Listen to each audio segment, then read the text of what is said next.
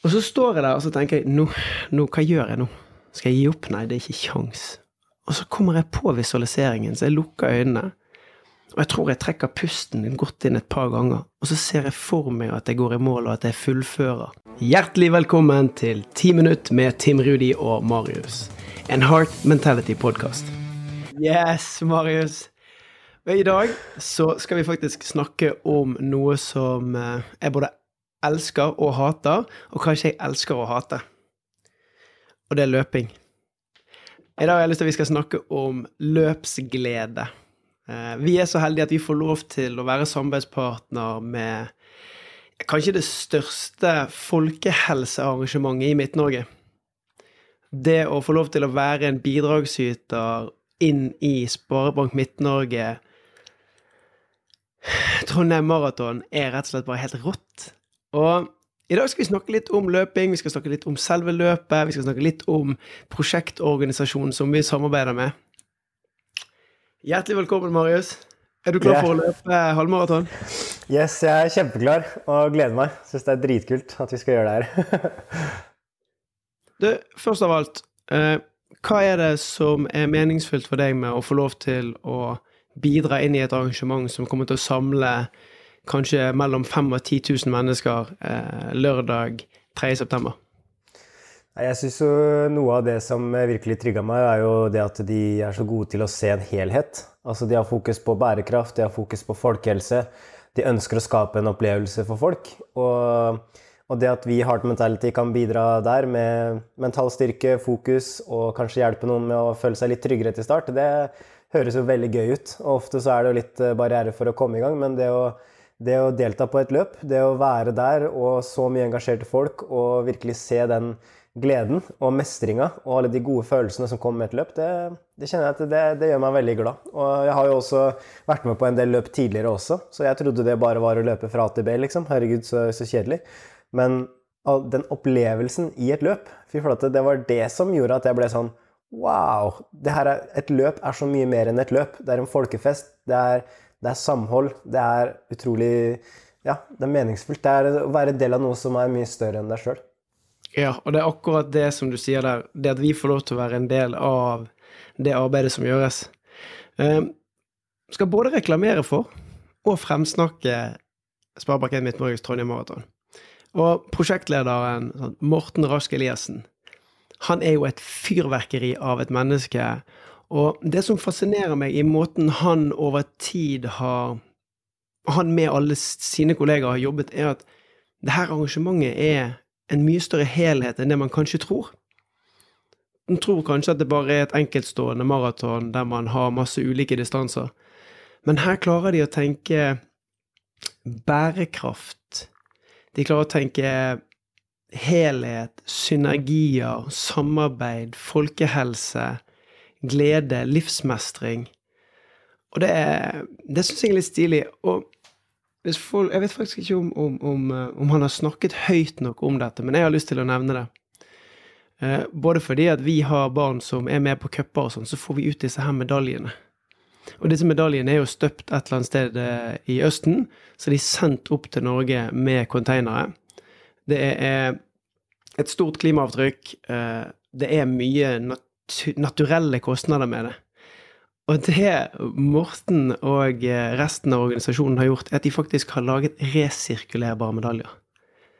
De har, lag, de har laget medaljer som støpes av resirkulert plast, som vi kan få lov til å ta med oss, og som ikke i nærheten har det samme klimatrykket, og som har en mye kulere story. Det syns jeg er stilig. Ja, det er faktisk uh, utrolig kult. Og det er jo ja, jeg husker altså når han fortalte om, eh, om, det konseptet der, så tenkte jeg bare sånn Wow, det er, det er dritkult. Og det er jo også en måte å, å lære den yngre generasjonen da, eh, verdien av å se at det faktisk er mulig å, å drive gjenbruk og drive bærekraft, selv, eh, selv her, i, her, i, Norge. Så det er dritfett. Ja. Men uh, Tim Rudi, du skal jo være der, stå på stand. Uh, veldig koselig. Håper folk stikker om innom hvis du er med på løpet.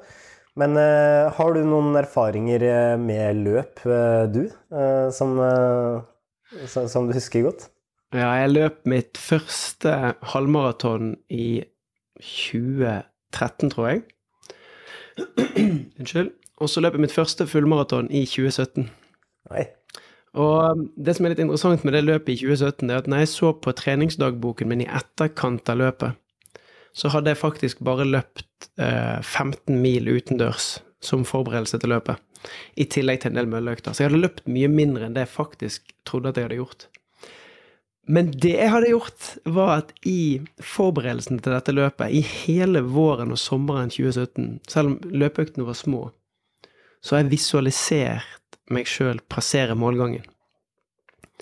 Hver gang jeg var ute og løp, og hver gang det var tøffe økter, så lukket jeg øynene, eller i hvert fall så for meg på innsiden av hodet mitt hvordan det ville være å løpe nedover Munkegata og passere målbuen og strekke hendene i været. Og det fikk jeg betalt for. Fordi at uh, runde én, ti kilometer, det gikk som en drøm. Jeg lå foran firetimerslaget. Runde to, det er jo lett. Fullførte et halvmaraton og hadde masse juice i beina. Runde tre, 30 km. Altså, I'm unstoppable. 35 km, complete system shutdown. Og da begynte det helt det begynte ned i ankelet, oppover leggene, traff meg i knærne. Og når jeg var på andre siden av Nidelven, nesten sånn med Nidarosdomen imellom meg og målbuen, så begynner kroppen å si nei. Jeg får vanvittig krampe i venstrefoten. Og det er så vondt at jeg må stoppe og skal forsøke å strekke det ut. Og idet jeg står og strekker ut venstrefoten, så smeller det i høyrefoten. Ah. Og det smeller så kraftig i høyrefoten at jeg faktisk begynner å grine. Og en som passerer meg, som var og løp halvmaratonet, snur seg til meg og stopper opp i sitt løp og, og spør sånn Går det bra med deg? Kan jeg hjelpe deg? Ja, det går fint. Kom deg i mål, du, sier jeg. Og da er det ca. sånn 1500-2000 meter igjen. Og så står jeg der og så tenker jeg nå, nå, hva gjør jeg nå? Skal jeg gi opp? Nei, det er ikke kjangs. Og så kommer jeg på visualiseringen, så jeg lukker øynene. Og jeg tror jeg trekker pusten godt inn et par ganger, og så ser jeg for meg at jeg går i mål, og at jeg fullfører. Og så får kroppen min den belønningen. Dopamin eksploderer. Kjenner på måloppnåelse, kjenner på mestring, kjenner på glede. Ser for meg sjøl passere målstreken, og så blir jeg plutselig superrasjonell.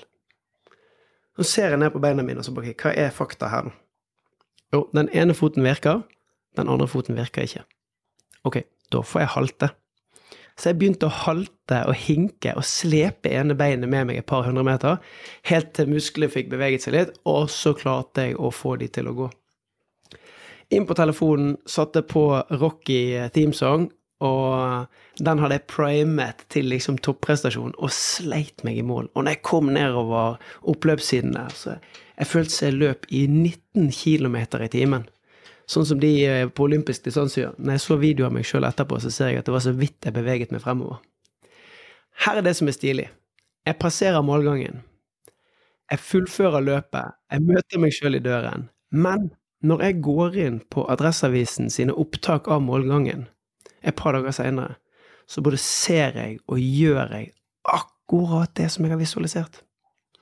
Måten jeg bruker kroppen min på når jeg kommer inn i mål, strekker hendene i været, måten jeg tar meg til ansiktet på i glede, knyter kroppen for å feire, det er akkurat sånn som jeg har visualisert kanskje et sted mellom 100 og 200 ganger i forberedelse til løpet.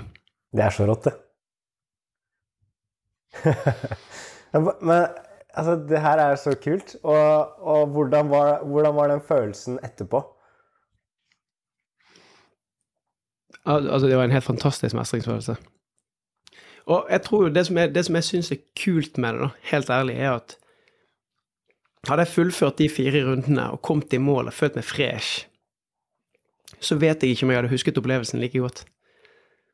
Men det at jeg hadde som mål å komme under fire timer, kom på 4.09, møtte den helt hinsides barrieren, sleit meg igjennom, har gitt meg mye sånn rikere opplevelser. Jeg kjenner jo at det har jo gitt meg masse innsikt. Hva er det som foregår, hva er det som skjer akkurat da? Denne kampen imellom kilometer 34-35 og i mål på 42. Det var jo en ren, beinhard mentaltreningsøkt og, og selvsnakk. Og ikke minst så fikk du se hva som faktisk var mulig når du våga å se det for deg og virkelig pushe deg sjøl.